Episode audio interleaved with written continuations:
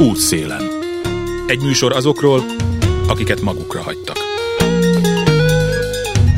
Jó napot kívánok, Józsa Márta vagyok. A házi szentelések időszakát éljük. Valójában hatodik a vízkereszt az a nap, amikor az egyház, mármint a római katolikus, vizet szentel. Azért hangsúlyozom, hogy római katolikus, mert ezen kívül még több mint 30 egyház és felekezet van bejegyezve pillanatnyilag Magyarországon. Plusz ugye Iványi Gábor Magyarországi Evangéliumi Testvérközössége, a hatalom és személyesen a kormányfő kedvenc üldözendője, a féle állandó préda, amelyre egy átmulatott éjszaka után igazán érdemes még egyet odacsapni. Visszatérve a vízkereszt körüli szentelésekre, nyilván ez szezonális műfaj, nem korlátozódhat egyetlen napra. Nincs az a fürge atya, aki végig tudna járni egy nap alatt a hívek otthonát.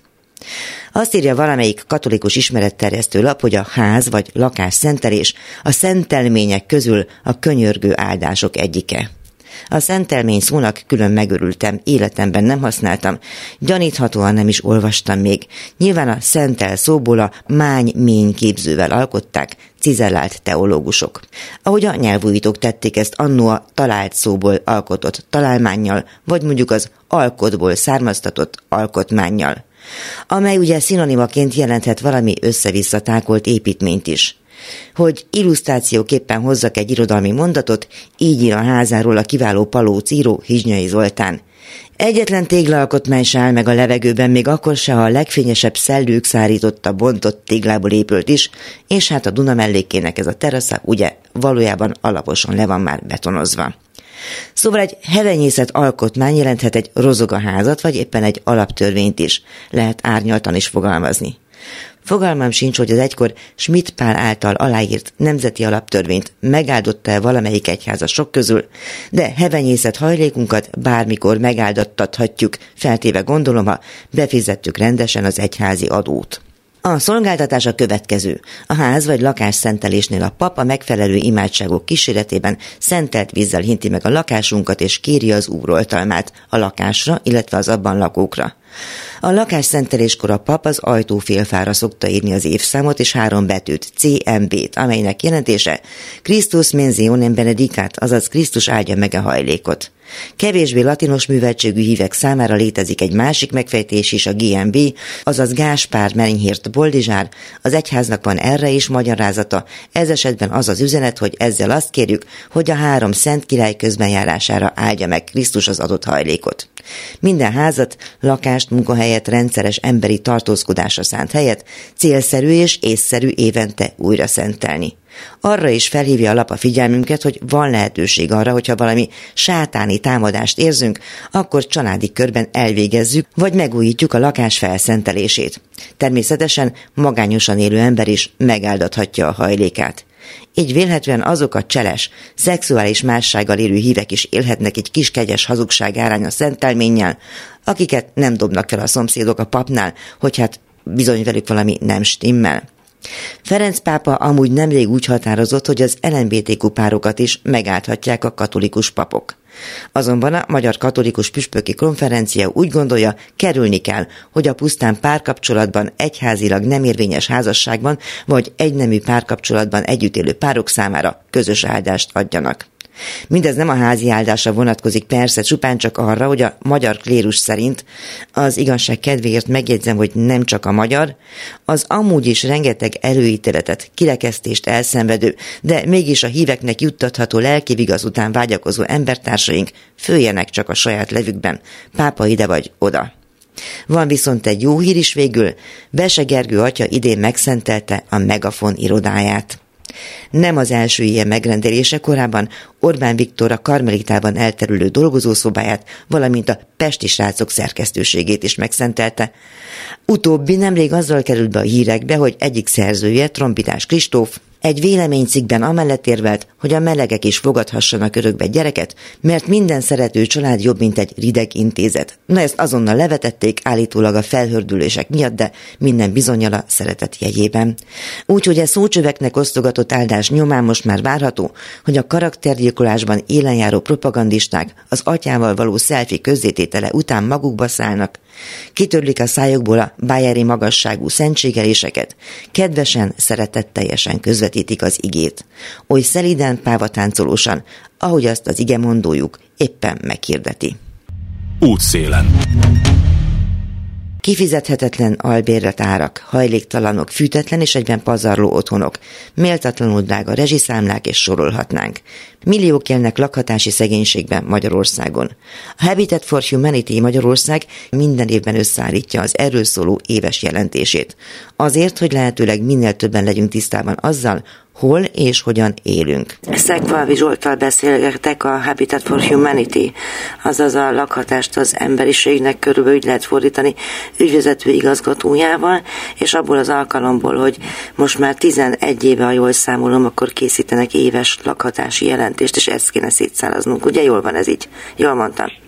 Igen, abszolút. Tehát 2012-ben adta ki a Habitat for Humanity Magyarország az első lakhatási jelentését, amiben a lakhatási szegénységről és ennek különböző aspektusairól írunk, számolunk be egyrészt kutatási oldalról, másrészt pedig, pedig a társadalom számára is fontos információkkal.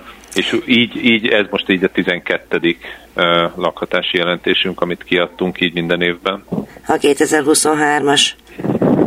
Ez a 2023-as annyi a specialitása ennek az idei jelentésünknek, hogy novemberben volt az első két fejezetnek a bemutatója, és tegnap történt meg a harmadik fejezetünk bemutatója, de ez hivatalosan mindegyik a 2023-as jelentéshez kapcsolódik. Egyébként mekkora tím, és hogy mondjam, milyen képesítésű szakemberek dolgoznak? Egy kicsit azért ezt mesélj hogy miket kutatnak így az év során. Uh-huh. Le- lehet, hogy talán egy nagyon picit messzebbről kezdeném, és nem is csak az éves jelentéshez kapcsolódva. Tehát ugye, ahogy, ahogy ön is nagyon kedvesen fölvezette, mi egy lakhatással foglalkozó szervezet vagyunk, és, és szeretnénk a, a lakhatási szegénységet, egyáltalán a lakhatás helyzetét megváltoztatni, javítani, és, és ebben nagyjából azt mondom, hogy három dimenzióban próbáljuk ezt a hatást elérni. Egyrészt van ez a háztartási közösségi szint, amikor közvetlenül családokkal, egyénekkel, kisközösségekkel dolgozunk együtt, és az ő helyzetüket közvetlenül felújítással, képzésekkel, szociális munkával uh, szeretnénk segíteni. A másik szint, ahol, ahol a hatást kifejtjük, ez a szakpolitikai, egyébként az éves jelentés is ide tartozik. Ez azt jelenti, hogy, hogy a, a lakhatásnak tulajdonképpen ezt a, ezt a szövetét vagy a struktúráját próbáljuk megváltoztatni, önkormányzati szinten, önkormányzatokkal együtt dolgozva, ideális esetben kormányzati szinten, és egyébként a gyakorlatban is az EU-s döntéshozási folyamatokat is igyekezzük befolyásolni, mindezt azért, hogy a Magyarországon élők lakhatási helyzete megfelelő legyen, vagy jobb legyen, és akkor a harmadik szint az pedig a társadalmi szint, amikor a, az össztársadalom számára fogalmazunk meg üzeneteket, és teremtünk lehetőséget arra, hogy ha valaki ehhez kedvet érez, akkor, akkor aktívan vegyen részt abban a munkában, amit mi is végzünk. Abban tisztában vagyunk, hogy egyedül a Habitat nem fogja megoldani ezt a problémát, ehhez egy elég komoly társadalmi összefogásra, politikai szándékra, és nagyon sok, nagyon jó szakmai munkára van szükség. Úgyhogy együtt dolgozunk egyébként más szervezetekkel is, nagyon kiváló szervezetekkel, és így próbáljuk magát ezt a, ezt a lakhatást javítani, fejleszteni. Ami egy sok évtizedes probléma tulajdonképpen a rendszerváltás előttre is bőségesen visszanyúlik, de hogy azok a tapasztalatok, mondjuk az a 12 év, amióta jelentéseket készítik, hogy látja mondjuk egy ilyen görbén ö, ábrázolva, nyilván azt nem tudjuk megmutatni, de a saját fejében milyen görbe van, hogy egyrészt hogyan jutott el az emberek tudatáig az, hogy a lakhatás az egy nagyon komoly probléma, ami mindent érint a gazdaságtól elkezdve, nem tudom én, szociálpolitikát, politikákkor át az oktatásig is bármi, amit ide be tudunk hozni, majd az energiáról aztán majd mindjárt beszélünk. Uh-huh. És, tehát, hogy hogyan, hogyan alakult, hogy látja, hogy a saját szempontjukból ennek a munkának a, hát az eredményességét, vagy inkább a tapasztalatait? Igen, én azt gondolom, hogy, hogy maga a lakhatás, tehát hogyha a fogalmat nézem, akkor nem egy egyszerű fogalom, ráadásul nagyon erősen be van ágyazva a, a társadalom, a, a, a a szociális területbe, ugyanúgy vannak gazdasági, ugyanúgy vannak pénzügyi aspektusai, tehát nagyon nehéz azt mondani, hogy valaki számára, vagy, vagy mondjuk ha tíz embert összehívunk, és megkérdezzük, hogy nekik a lakhatás mit jelent, akkor valószínűleg ez a tíz ember tíz teljesen eltérő dolgot fog mondani, ami az ő szempontjából fontos.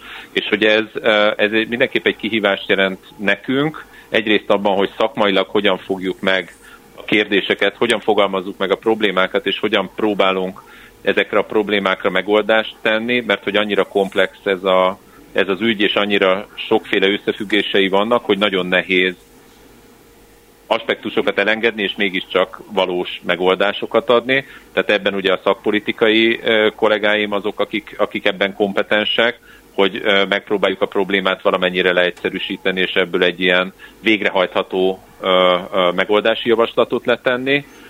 Mm, másrészt pedig a, az emberek számára is azt gondolom, hogyha ma Magyarországon megkérdezzük a lakosságot, hogy mi az ő életükben, mi az a tíz legfőbb probléma, akkor így specifikusan nem biztos, hogy a lakhatás megjelenik, de azok közül a problémák közül a nehéz egy hónapban kijönni a fizetésünkből, emelkedtek az energiaárak, tehát biztos, hogy elhangzanak olyan nagyon fontos tényezők, amik a lakhatással vannak összefüggésben. Tehát mind szakmailag kihívást jelent ennek a témának a, a kezelése, mind pedig amikor az emberek felé kommunikálunk erről, hogyan tudjuk úgy megfogalmazni, ahogy így a kollégáimnak szoktam mondani, hogy a 16 éves unokahúgom és a 96 éves nagymamám is megértse, de mégis szakmailag hitelesek legyünk ez a kihívás, ennek próbálunk megfelelni. És még visszatérve a kérdésére, most jelen pillanatban 23-an vagyunk az irodában, és, és minden területen, mind a terepi programok területén, ahol családokkal dolgozunk, olyan szakembereink vannak, akik, akik egy felújítást például jól végre tudnak hajtani, vagy hogyha szociális munkáról van szó, akkor, akkor szociális munkásokkal dolgozunk, és a, és a szakmai területeken pedig, pedig olyan kollégáink vannak, akik, Eh, akik akár az energiás területen, akár az általános lakhatási területen végzettséggel, meg múltal gyakorlati tapasztalattal rendelkeznek, de, de a szakmai területeken is nagyon sokszor együtt dolgozunk, akár más kivitelezőkkel, vagy, vagy pedig a szakpolitikai területen, vagy partnerekkel, vagy akár egyénekkel, akik segítik a munkánkat még teljesebb és még átfogóvá tenni. És hogy néz ki ez az ív, tehát hogy hogy látja az elmúlt 12 évet? Jaj, bocsánat, igen, visszatérve az eredeti kérdésre. Hát azt gondolom, hogy strukturálisan nem sok minden történt. A, a lakhatási szegénység vagy a, vagy a lakhatási válság megváltoztatásában. Találunk nagyon jó kezdeményezéseket közösségi szinten, vannak nagyon jó együttműködéseink önkormányzatokkal, de igazából a, ebben a 12 évben, de hogyha megnézzük, ugye két évvel ezelőtt jelent meg az a jubileumi 10 éves lakhatási jelentésünk, ahol a, az elmúlt 30 évet, tehát a rendszerváltástól elemeztük végig a lakhatás helyzetét, és igazából strukturálisan, stratégiailag egyetlen egy kormány sem közelítette meg a lakhatás kérdését, vagy nem foglalkozott vele. Mi azt gondoljuk, hogy ennek megfelelően, vagy ennek a fontosságának megfelelően nincs dedikált lakhatással foglalkozó kormányzati szerv, még csak egy államtitkárság sem. Nagyon sok helyen, ahogy mondtam, hogy nagyon sok rétű a probléma, nagyon sok olyan minisztérium vagy olyan hely van a kormányzatban, ahol a lakhatás valamelyik aspektusával foglalkoznak, de ez nem koordinált. Nincs egy átfogó lakhatási stratégia, ami mentén el lehetne kezdeni működni. Azt látjuk, hogy a jelenlegi kormány ugye a, most már jó ideje hatalmon léve, főleg a, a középosztály, felső középosztály felé próbál olyan támogatásokat, olyan programokat tenni, ami, ami az ő helyzetüket relevánsan könnyíti. Egyébként ezeknek a gazdasági hatásai az, azok pont egyébként torzítják a lakhatás helyzetét, és ami, ami nagyon szignifikáns, és ami nagyon fájó, ami számunkra, hogy pontosan azokkal a csoportokkal, ugye mi azt mondjuk, hogy két-három millió embert érint ma Magyarországon a lakhatási szegénység valamilyen formája, pont ebben a két-három millió emberrel nagyon-nagyon-nagyon keveset foglalkoznak, sőt, inkább azt mondom, hogy az ő helyzetük az mindenképpen romlott. Azon gondolkoztam most éppen, hogy ahogy egyre inkább fölbukkannak a mostani népszámlálásnak az adatai, de valószínűleg megváltozott egy csomó szempontból a települések szerkezete, vagy azoknak a népesedése, vagy bármi egyéb. Arra gondolok, hogy vannak olyan helyszínek, ahol nagyon kiürülnek, és ahol egyébként nagyon olcsón lehet lakásokhoz is hozzájutni, csak utána a fenntarthatatlansággal kell megküzdeni. Másod pedig inkább az a probléma, hogy az agglomerációkba ugye beszüremkednek olyan emberek, vagy olyan mennyiségű ember, akiknek nem tud infrastruktúrát és egyebet okozni, a, vagy adni a helyi önkormányzat, vagy bármi egyéb. Úgyhogy tulajdonképpen olyan szempontból is kialakulhatnak, gondoljunk a nyárra, valamilyen szegénységformák, hogy nem jutnak vízhez egyébként középosztálybeli emberek. Szóval csak azt akarom kérdezni, hogy alakulnak át a lakatási szegénységgel, vagy a lakatási általános problémákkal való megítélésben ezek a dolgok. Igen, igen, azt gondolom, ugye beszélünk, és én is említettem ezt, hogy a lakhatási szegénységnek a különböző formái hogyan érintik az embereket, tehát itt azért ez, ez így tudományosabban megfogva, ezt azért többféle aspektusból vizsgáljuk. Ennek az egyik kiemelt formája az a megfizethetőség, tehát hogy valaki a hó végén igen azt tudja mondani, hogy, hogy fönn tud tartani magának egy, egy biztonságos lakhatást, olyan lakhatásban lakik, ami számára megfizethető-e, vagy, vagy például ugye ki tudja fűteni télen a lakását, vagy megfelelő hőmérséklet van-e nála nyáron. Tehát ezek, ezek is fontos aspektusok, de amiről, amiről ön beszélt, ez ugye ez a területi megközelítés, hogy valóban valaki, ahol lakik, ott hozzájut-e a szükséges szolgáltatásokhoz, lehet ez ugye a közmű szolgáltatás, lehet ez az oktatás, egészségügy, lehetősége munkát vállalni, vagy a munkához való eljutása biztosított-e, és ugye ennek a, a talán a negyedik aspektusa az pedig a jogi rész, hogy mennyire biztos az a lakhatás. Beszélünk itt ugye piaci albérletekről, beszélünk megfizethető lakhatásról, nagyon sok ember olyan helyen lakik, ami szívességi lakhatásban van, nagyon bizonytalan helyzete, vagy mondjuk van egy olyan tulajdona, aminek a tulajdoni viszonyai nem rendezettek. Ezek mind, mind olyan problémák, amik, amik fölmerülnek. És igen, területileg is nagyon különbözőek a problémák megjelenései, és nagyon különböző módon lehet kezelni. Ugye beszélhetünk Budapest egészéről, mondjuk Magyarország kapcsán, de akár a kerületekről, itt is akár egy, egy területen belül másképp érdemes nézni ezeket a problémákat, de beszéltünk vidéki nagyvárosokról, nagyvárosok agglomerációjáról, vagy akár kis leszakadó vidéki településekről. Minden, mindenhol meg kell nézni mindig a helyi viszonyokat, és mindig a helyi viszonyokra megfelelő válaszokat kell adnunk.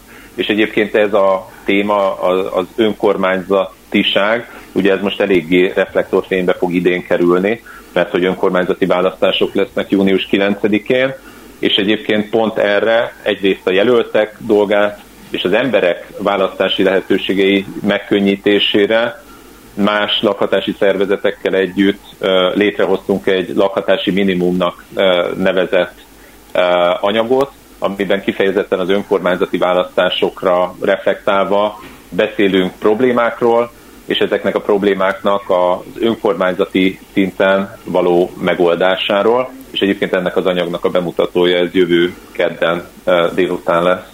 Igen, és a jövő heti műsorban fognak majd erről bővebben hallani és hallgatók, úgyhogy azt azért leszpoilerezzük, hogy ebben mi lesz. Jó. De egyébként csak annyit, ha már szóba keverte, hogy meg szokták fogadni a nem tudom én önkormányzati politikusok, vagy bármifajta szakértők azokat a dolgokat, amelyeket önök eléjük tárnak tulajdonképpen ingyen. E, igen, tehát hogy biztos, hogy kell egy szándék, önkormányzati vagy ilyen helyi döntéshozói szinten is, hogy, hogy ebben foglalkozzanak. Minél kisebb a település, ugye annál kisebb maga, maga az az önkormányzati struktúra, amely változásokat tud elérni, illetve annál kisebb pénzügyi erőforrásokkal dolgoznak, de azt gondolom, hogy az önkormányzatoknak sokkal jobban megvan a, ez a fajta egymásra utaltság velünk, tehát hogyha nekünk van egy javaslatunk, amit ők végre tudnak hajtani, akkor sokkal nyitottabbak arra, mint, mint mondjuk egy kormányzat a, a változásokra, és azért mondom, hogy önkormányzati szinten nagyon, nagyon jó együttműködéseink vannak. anyagokat is csinálunk nekik, illetve, illetve konkrét gyakorlati terepi programjaink is vannak, akár vidéki kis településeken, akár, akár budapesti kerületi szinten is. Változott egyébként valami azóta az előző önkormányzati választások óta, amikor tulajdonképpen nagyon sokan indultak neki azzal a felkiáltással, és néhányan győztek is ezek közül, hogy hát igen, a lakhatási szegénység enyhíteni kell, hogy bérlakásprogram, uh-huh. hogy a lepusztult épületeket valamilyen úton, módon megpróbáljuk újra rehabilitálni, és a uh-huh. lakosság fele tárni, és így tovább.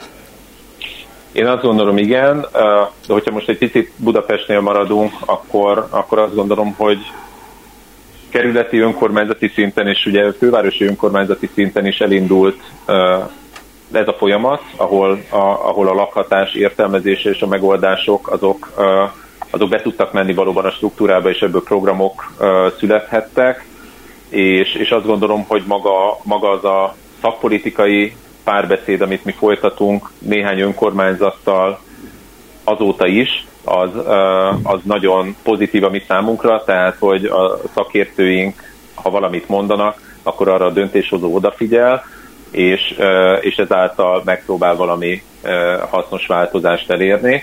Azt gondolom, hogy nagyon sok olyan ember dolgozik ezeknél az önkormányzatoknál, akik a civil szektorból jöttek, és éveken át nagyon hasznos és nagyon komoly munkákat tettek le az asztalra, illetve javaslatokat, amiket a, az akkori politikai vagy szakpolitikai vonal nem fogadott meg, és hogy azt gondolom, hogy ez is mindenképpen nagyon előremutató, hogy, hogy ezek az emberek már akár önkormányzati szinten, akár tanácsadással, akár gyakorlati munkával ki tudják fejteni azt a hatást, amit eddig a, a civil oldalról képviseltek, és ezt a gyakorlatba ültethetik. Tehát egy ilyen szempontból én azt gondolom, hogy történtek pozitív változások, viszont hogyha az egészet nézzük, tehát az országos szintet, akkor nagyon-nagyon erősen szükséges lenne egy, egy kormányzati szándék, a források azt gondolom rendelkezésre állnak, csak nem biztos, hogy azokkal a programokkal kellene e, menni, amik, e, amik most vannak, vagy inkább azt mondom, azokat a programokat mindenképp ki kellene egészíteni,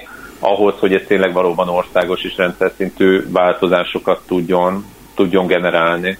Hát igen, meg az önkormányzatok így sporadikusan nem nagyon tudnak megoldani egy országos problémát, tehát nyilván egy, akár a bérlakásépítési program, akár egyebek, és most akkor akár át is térhetnénk arra, amit tegnap bemutattak, hogy valami fajta energia és klímapolitikát is kellene a lakhatáshoz társítani, hiszen ugye az igaz, hogy tíz éve a jelszava a mostani kormányzatnak a rezsicsökkentés és egyebek, de nagyjából azt lehet látni ezekből, és ez a tanulmány, amit tegnap magam is a bemutatóját volt módon meghallgatni Koritás Zsuzsannának és Feldmár Nórának a tanulmánya. Ez körülbelül arra megy ki, hogy igen, de anélkül, hogy ne foglalkoznánk komolyabban, ne vennénk akár külső uniós forrásokat is igénybe ahhoz, hogy az energiát ne pazaroljuk, és a, a, főként a szegény emberek pénztárcájának a jó része ne a rezsiszemlere menjen el, ahol más, másféleképpen kellene gondolkozni. Igen, itt is sokkal komplexebben szeretnénk gondolkozni, és ugye a kollégáim ott tegnap ezt így, ezt így meg is mutatták, hogy, a, hogy a, bár a rezsi csökkentésnek voltak pozitív hatásai, ezek a pozitív hatások inkább, inkább rövidtávúak voltak, és inkább közvetlenül rövid távon az emberek pénztárcáját érintették, viszont rendszer szinten azért, azért voltak negatív hatásai.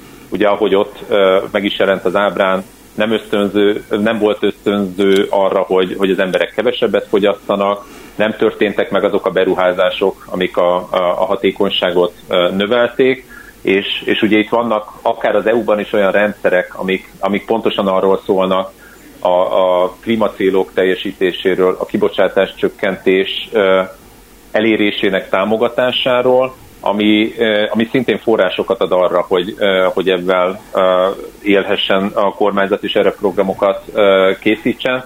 De azt gondolom, hogy itt, itt nagyon ezen a téren be kellene erősíteni, és azok az intézkedések azok, hát amit én látok, azok egyrészt rövidtávú politikai célokat,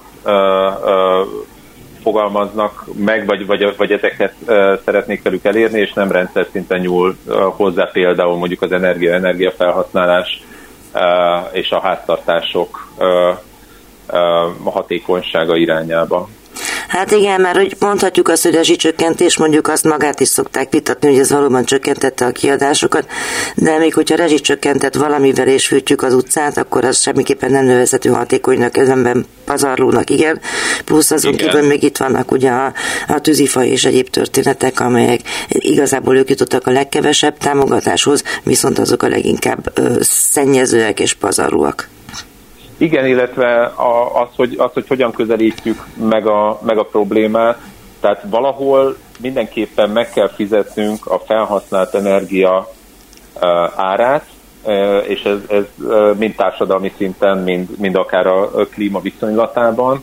És hogyha megnézzük például ugye nagyon rossz és a nehéz helyzetben lévő háztartások számára sokszor nagyon végzetes volt ez, a, ez az energiaár emelkedés, de amint beütött ez, hogy a, a közelítettünk a, a valós, vagy lehet, hogy nem is valós, hanem egy túlárazott energia árhoz, például a januári összevetéseket, hogyha megnézzük 2022-23-as viszonylatban, akkor, akkor például januárban 33%-kal volt kevesebb az energiafogyasztás, talán ez éppen a gázfogyasztás, most ebben nem vagyok biztos, mint a 22 januári. Tehát ez azt jelenti, hogy az emberek nagyon árérzékenyek, és egyébként képesek takarékoskodni, viszont azt gondolom, hogy pont ez lenne a, az állam és a kormányzat feladata, hogy segítse őket abban, hogy hatékonyan tudjanak takarékoskodni, és ne az legyen, hogy nem tudják kifizetni a, az energiárakat, és ezért például nem fűtenek.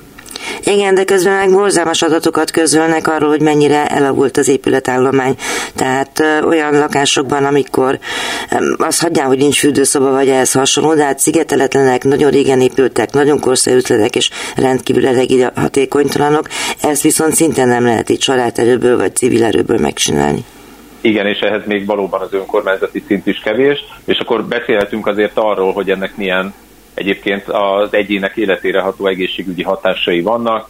Ugye nagyon sokat beszéltünk arról, hogy kis településeken a fatüzelés az, az, az a faluban mondjuk milyen levegőminőség problémákat okoz, de ugyanez megjelenik egy nem korszerű berendezésből a lakásba is olyan mikropor és, és egyéb más gázszennyezéseket szív be tulajdonképpen a család folyamatosan, ami, ami hosszú távon nagyon károsítja az egészségüket. Igen, meg ha nem fűt, akkor mondjuk penészes lesz a lakás, és az szintén nem. Szint. Hát, hogyha nincs leszigetelve, akkor, akkor a penész az megjelenik még akár egy, egy modern házban is, ahol ugye maga a szigetelés az jó, a nyílászárok azok nagyon jól elzárják a, vagy nagyon jól szigetelnek, de hogyha kialakul egy hőhíd, akkor, akkor egy nem jó technológiával megépített modern házban is a penész az megjelenik. Viszonylag egyszerű fizika, hogy, hogy ennek ott, ott meg kell jelennie. Egyébként mik az ajánlások? Tehát ugye tudjuk, hogy a semmiképpen nem a, nem a tűzifa, de ugye a gázzal is problémák vannak, aztán egy külön fejezet a palackos gáz, tehát hogy merre kéne és hogyan lehetne tovább menni? Én azt, azt gondolom, hogy nem, nem azt állítjuk, hogy a tűzifa az semmiképpen nem megoldás. Azért, hogyha megnézzük, akkor a, a fa, vagy, a, vagy ezek a növényi ö, ö, fűtőanyagok, ezek azért ö, megújuló energiaforrásnak számítanak, és azt gondolom, hogy van például skandináv országokban is ugye példa arra, hogy, hogy intenzíven használják a, a fát tüzelésre, amit, amit talán egységesen állítunk az, hogy a, a szén, kőszén, akár barna kőszénnel való lakossági fűtésmódot, azt mindenképpen le kéne váltani, mert az, az mind kifelé a környezet felé, mind befelé nagyon szennyező. Hogyha valahol nincs kiépítve a, a, a gáz, már pedig van nagyon sok ilyen település Magyarországon, ott érdemes megnézni, hogy egy, egy hatékony, akár hőszivattyús fűtés, vagy pedig egy hatékony fafűtés, szilárd tüzelés, az, az, az szerintem teljesen működőképes.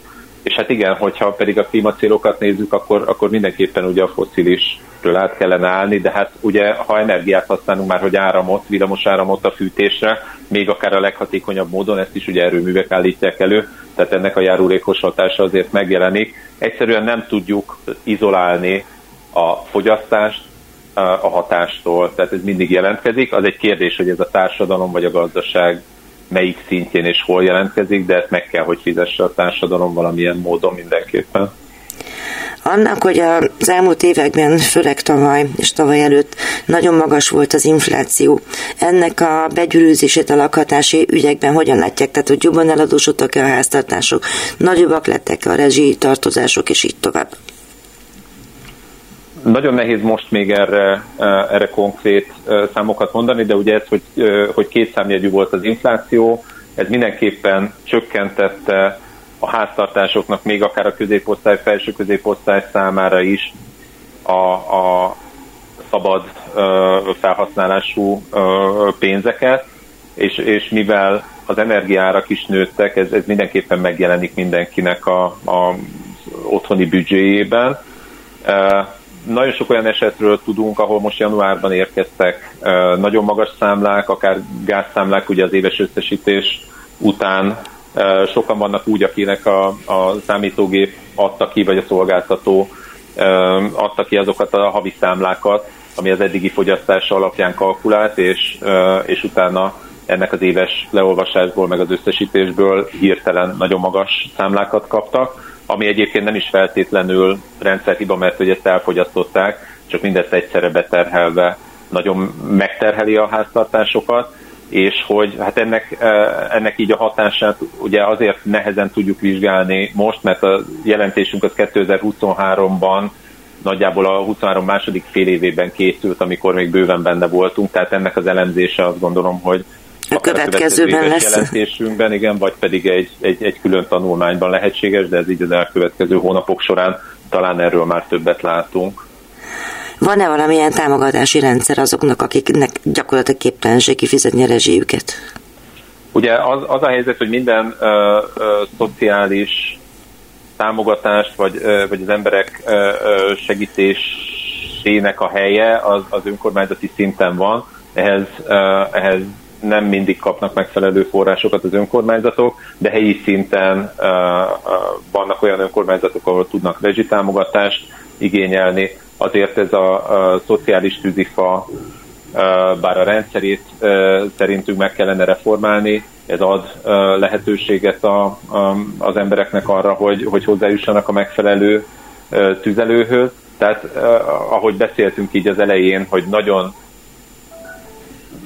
nagyon az önkormányzati egyes helyi rendeletek nagyon el tudnak térni egymástól, tehát nagyon nehéz a, a, az összes településre, az összes önkormányzatra valami megállapítást tenni, de vannak ilyen rendszerek. Nem vagyok benne biztos, hogy, hogy hatékonyak, de valami támogatást tudnak adni az embereknek. Ezek általában azok az emberek, ugye, akiknek van vagy saját ingatlanjuk, vagy valamiféle bérlakásuk. Nem mi történik azzal, akik a albéletben laknak? Ez gondolom egy külön nagy fejezet. Igen, ebben is, ebben is foglalkozom. Most itt akkor talán a magánalbérletekről beszélünk. Így van. Hogy mi történik velük? Hát, uh, Egyrészt ők kaphatnak a támogatást, és aztán utána vázolja nekem, hogy körülbelül az albérleti piacon hogyan változhattak a helyzetek. Én azt gondolom, hogyha valaki be van jelentve valahova, tehát abba az albérletbe, ahol lakik, akkor, akkor jogosult arra, tehát abba a kerületbe, vagy oda a településre van a lakcímkártyája, akkor jogosult arra, hogy az a önkormányzati szolgáltatásokat igénybe vegye, legyen ez mondjuk a családsegítés, vagy pedig legyen ez, hogy a különböző önkormányzati támogatásokból részesüljön. Itt, itt azért ugye nagyon sokszor az van, hogyha valaki albérletben lakik, akkor nem oda van bejelentve. Na ez az. Így, így a helyszínről. Mind akár az egészségügyi ellátást, akár a, a, az oktatást, akár a helyi támogatásokat nem fogja tudni ebben az esetben igénybe venni. Egyébként a tulajdonos, ha oda van bejelentve, akkor ő, ő ezt igénybe veheti, csak hát egy kérdés, hogy mennyire működik a párbeszéd a kettő között Szóval ez nagyon fontos lenne, hogy a magánalbérleti piacon is elinduljon egy, egy valami fajta szabályozás, ami, ami azt a célt szolgálná, hogy, hogy átlátható legyen ez a piac. Itt nagyon sokszor nekünk is, amikor, amikor kutatunk, vagy azok a kutatók, akikkel dolgozunk, ők is nagyon sokszor inkább, inkább történeteket dolgoznak föl, mert nagyon nehéz megbízható adatokat szerezni, hogy hány magánalbérlet működik, itt hol vannak a nehézségek, ki a, hány százalékban vannak valós szerződések, ki az, aki bejelenti azt, hogy ezt a tevékenységet végzi főbérlőként.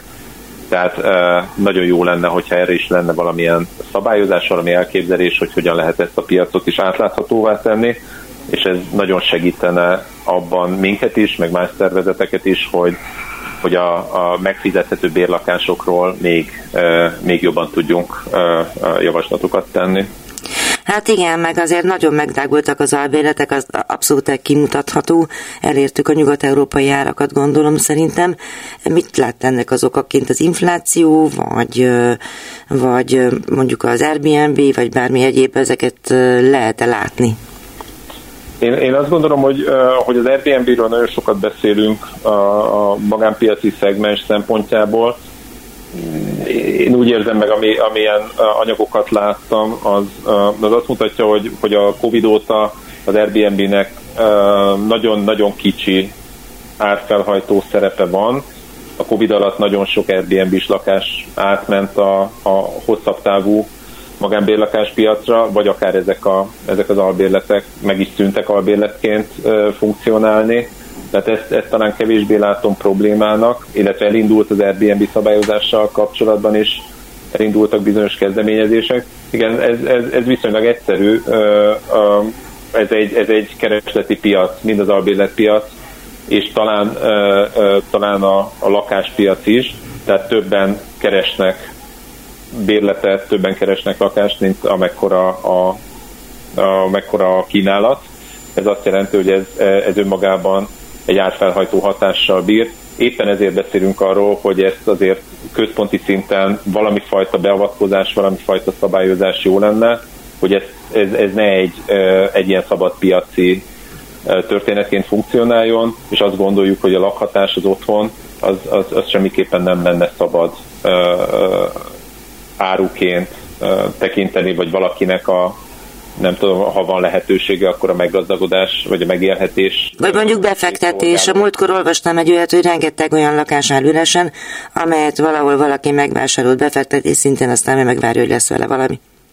Igen, természetes gazdasági folyamat, hogyha valakinek van egy lakása, akkor az utóbbi évtizedek során, hogyha ezt megnézzük, ennek a lakásnak az értéke folyamatosan nő. Tehát ez egy jó befektetés, csak azt gondoljuk, hogy a lakhatás az egy társadalmi kérdés elsősorban, és természetesen ennek vannak gazdasági összefüggései, és hogyha ezt nem kezeljük a, ennek a társadalmi részét hangsúlyosan, akkor a gazdasági rész, ha dominál, ez mindenképpen a társadalom számára káros folyamatokat generál, mint ahogy ezt látjuk is.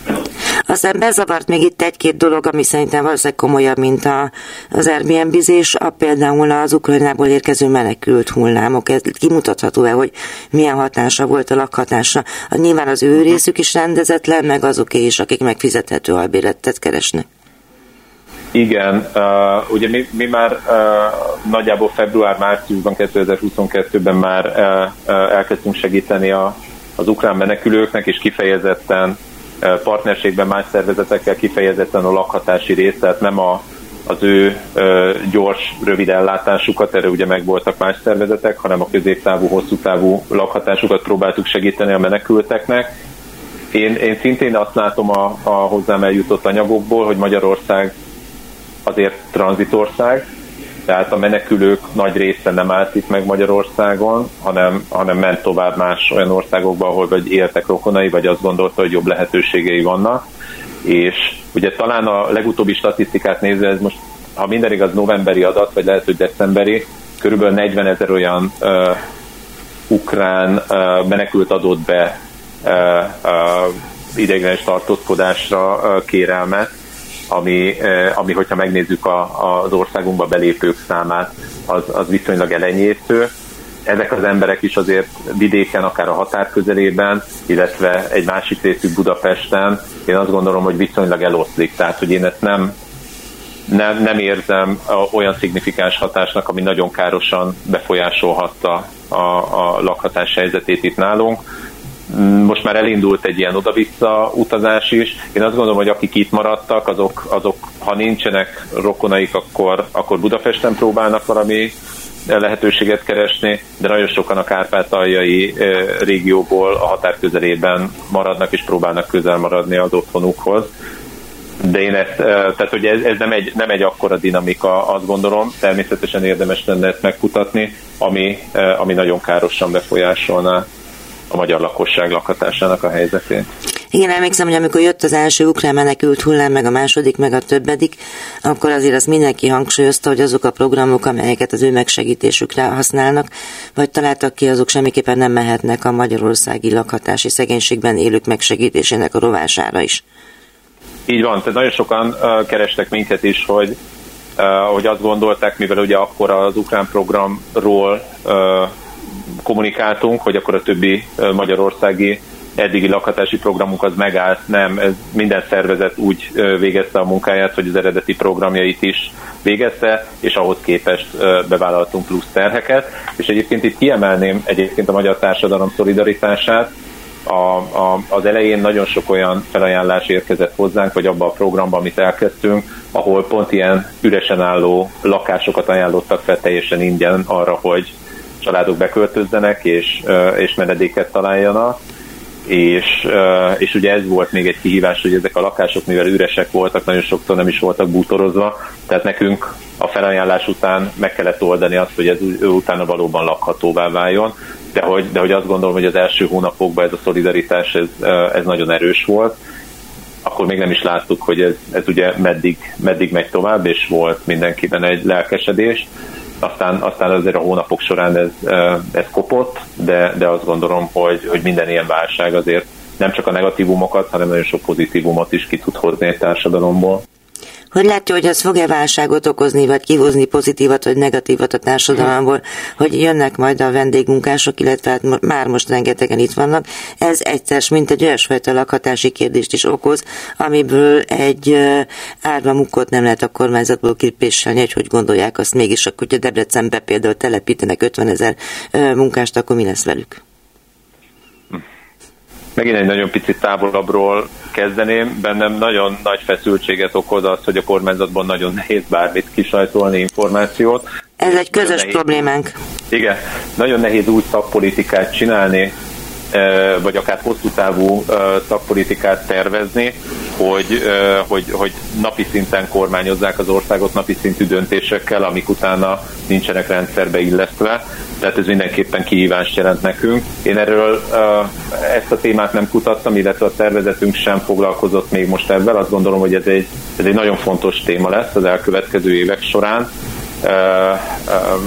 Ugye, ugye itt nagyon sokszor a munkáltatók egyrészt, akik biztosítják ezt a lakhatást. Mindenképpen itt, itt már sokkal nagyobb számról beszélünk, tehát hogyha mondjuk az ukrán menekültek hatását a magyarországi lakhatásra, vagy a vendégmunkások hatását a magyarországi lakhatásra vetjük össze, akkor azt gondolom, hogy ez a vendégmunkás kérdés ez, ezzel, ezzel mindenképpen érdemes rendszer szinten is foglalkozni, illetve nekünk lakhatási szervezeteknek ebben mindenképpen érdemes foglalkozni, és erre ajánlásokat megfogalmazni. Hát igen, mert ez két irányú probléma. Egyrészt az, hogy mennyire tűnik el lakhatási lehetőség mondjuk a magyar állampolgárok, vagy a magyar lakosság számára, de a másik az, hogy amikor arról olvas az ember, hogy 36 vietnámi van bezárva egy családi házba, az lakhatási szempontból, függetlenül attól, hogy ki milyen állampolgár és miért jött ide, azért az mégiscsak egy botrány. És nehéz számon kérni ezektől a kölcsönöztető cégektől, hogy mégis mit csinálnak ezekkel az emberekkel, akik egy mukkot sem mernek szólni. Abszolút egyetértek, és, és ezt nagyon köszönöm, hogy, hogy magát a témát felhozta, ez, ez biztos, hogy, hogy jelentős téma lesz.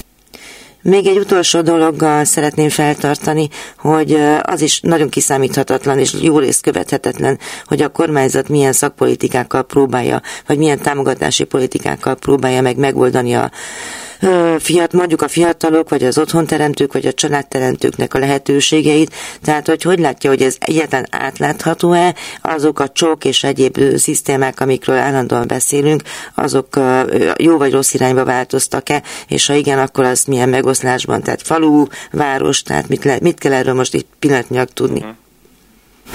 Igen, tehát azt gondolom, hogy a, a kormányzat fő iránya, vagy a célja az látható, tehát a családokat szeretné támogatni, méghozzá azokat, ahol a gyerekvállalás terve van véve, tehát hogy, hogy tulajdonképpen a népesség politikai vagy népesség szempontjából próbálja szabályozni a lakhatást, vagy nyúl bele a lakhatás területébe, ezt, ezt semmiképpen nem tartjuk a feltétlenül hasznosnak, illetve hogy nagyon hiányoljuk a, mind a társadalmi, mind a szakértői párbeszédet, nagyon sok szervezettel vagyunk mi is kapcsolatban, nagyon kevés olyan van, aki, aki érdemi párbeszédet tud folytatni a kormányzattal. Egyébként mi is jelen vagyunk különböző minisztériumi megbeszéléseken, viszont nagyjából azt látjuk, hogy azok a javaslatok, amiket teszünk, utána nem mennek tovább a valódi döntéshozási struktúrába, illetve onnan nagyon fölülről szabályozás történik, tehát hogy ezek ezek az egyeztetések, ezeknek az ideje, ezeknek a minősége, ez abszolút arra nem megfelelő, hogy azt gondolhassuk, hogy hosszú távú pozitív hatást fog elérni. Nagyon sokszor a hatáselemzések is hiányoznak egy-egy intézkedés bevezetésénél, ráadásul nagyon sokszor az intézkedések bevezetése az olyan rövid idő alatt történik meg, hogy egyébként az intézmények sem tudnak erre feltétlenül felkészülni. Én azt gondolom, hogy az, hogy a falusicsok megmaradt, és, és nőtt a, az elérhető keretösszeg, ez jó. Természetesen magával a, a teljes rendszerrel, illetve ennek a részleteivel azért vannak problémáink. Egyébként pont a falusi csokkal kapcsolatban van nekünk is olyan programunk, amikor a falusi csok segítségével igazán rászoruló családoknak tudunk lakásminőségváltozást elérni, de ehhez az kell, hogy segítsük őket az adminisztratív folyamatba, találjunk egy olyan vállalkozót, aki jó minőségben dolgozik náluk, és előre megfinanszírozzuk számokra a, az előre finanszírozandó részt, mert hogy ezt nem képesek ö, ö, kitermelni saját maguk. Tehát, hogy a, ebben a rendszerben is van ö, ö, azt gondolom, hogy még javítási lehetőség, illetve a normálcsoknál azt mindenképpen problémásnak látjuk, hogy meglevő gyerekre már nem lehet fölvenni, és a régi rendszerben is nagyon problémásnak láttuk ezt, hogy a családok beígérnek születendő gyerekeket, amik, hogyha ne, vagy akik, hogyha nem születnek meg, akkor, akkor ez a családot hosszú távon anyagilag meg tudja rendíteni. Szóval, szóval igen, azt gondolom, hogy a csokkal egyébként is alapvetően strukturális problémánk van, és a hatásait tekintve is uh, uh, nem érezzük azt, hogy, uh, hogy feltétlenül jó hatással volt uh, a megfizethetőségre, a lakhatás helyzetére, de hogy igen, lenne nagyon sok javaslatunk arra, hogy hogyan lehetne a lakáshoz jutás támogatását a, igazán rászoruló társadalmi rétegek felé irányítani, illetve azt gondoljuk, hogy el kellene kezdeni most már magas szinten beszélni arról, hogy a megfizethető albérletek számát hogyan tudjuk növelni. Azt gondolom, hogy városi környezetben az, hogy valakinek ne saját tulajdona legyen, viszont hosszú távú, megfizethető és biztonságos bérlete legyen, ez, eh, ez egy nagyon fontos kérdés, és erről nincs párbeszéd, ezt a magánalbérletek nem fogják tudni nyújtani soha a magyar társadalom számára. Akkor innen folytatjuk meg majd a jövő héten, hiszen akkor majd ezt megtudjuk, hogy miket tudnak ajánlani az választásokra készülő pártoknak. Nagyon szépen köszönöm. Köszönöm szépen a beszélgetést. Viszontlátásra. Útszélen. Szekvalvi Zsolt, a Habitat for Humanity Magyarország ügyvezető igazgatója volt a vendégem. A milliókat sújtó lakhatási szegénység volt a téma. Abból az apropóból, hogy megjelent a 2023-as lakhatási jelentésük energiaszegénységről szóló utolsó fejezete. Értékes gondolatait köszönöm. A műsor elkészítésében Horváth Ádám technikus volt a segítségemre. Visszahallgathatják a honlapunkon, az archívumban és a podcast felületeinken. Figyelmüket köszönöm, Józsa Mártát hallották. Önök az útszélen adását hallották a Klubrádióban.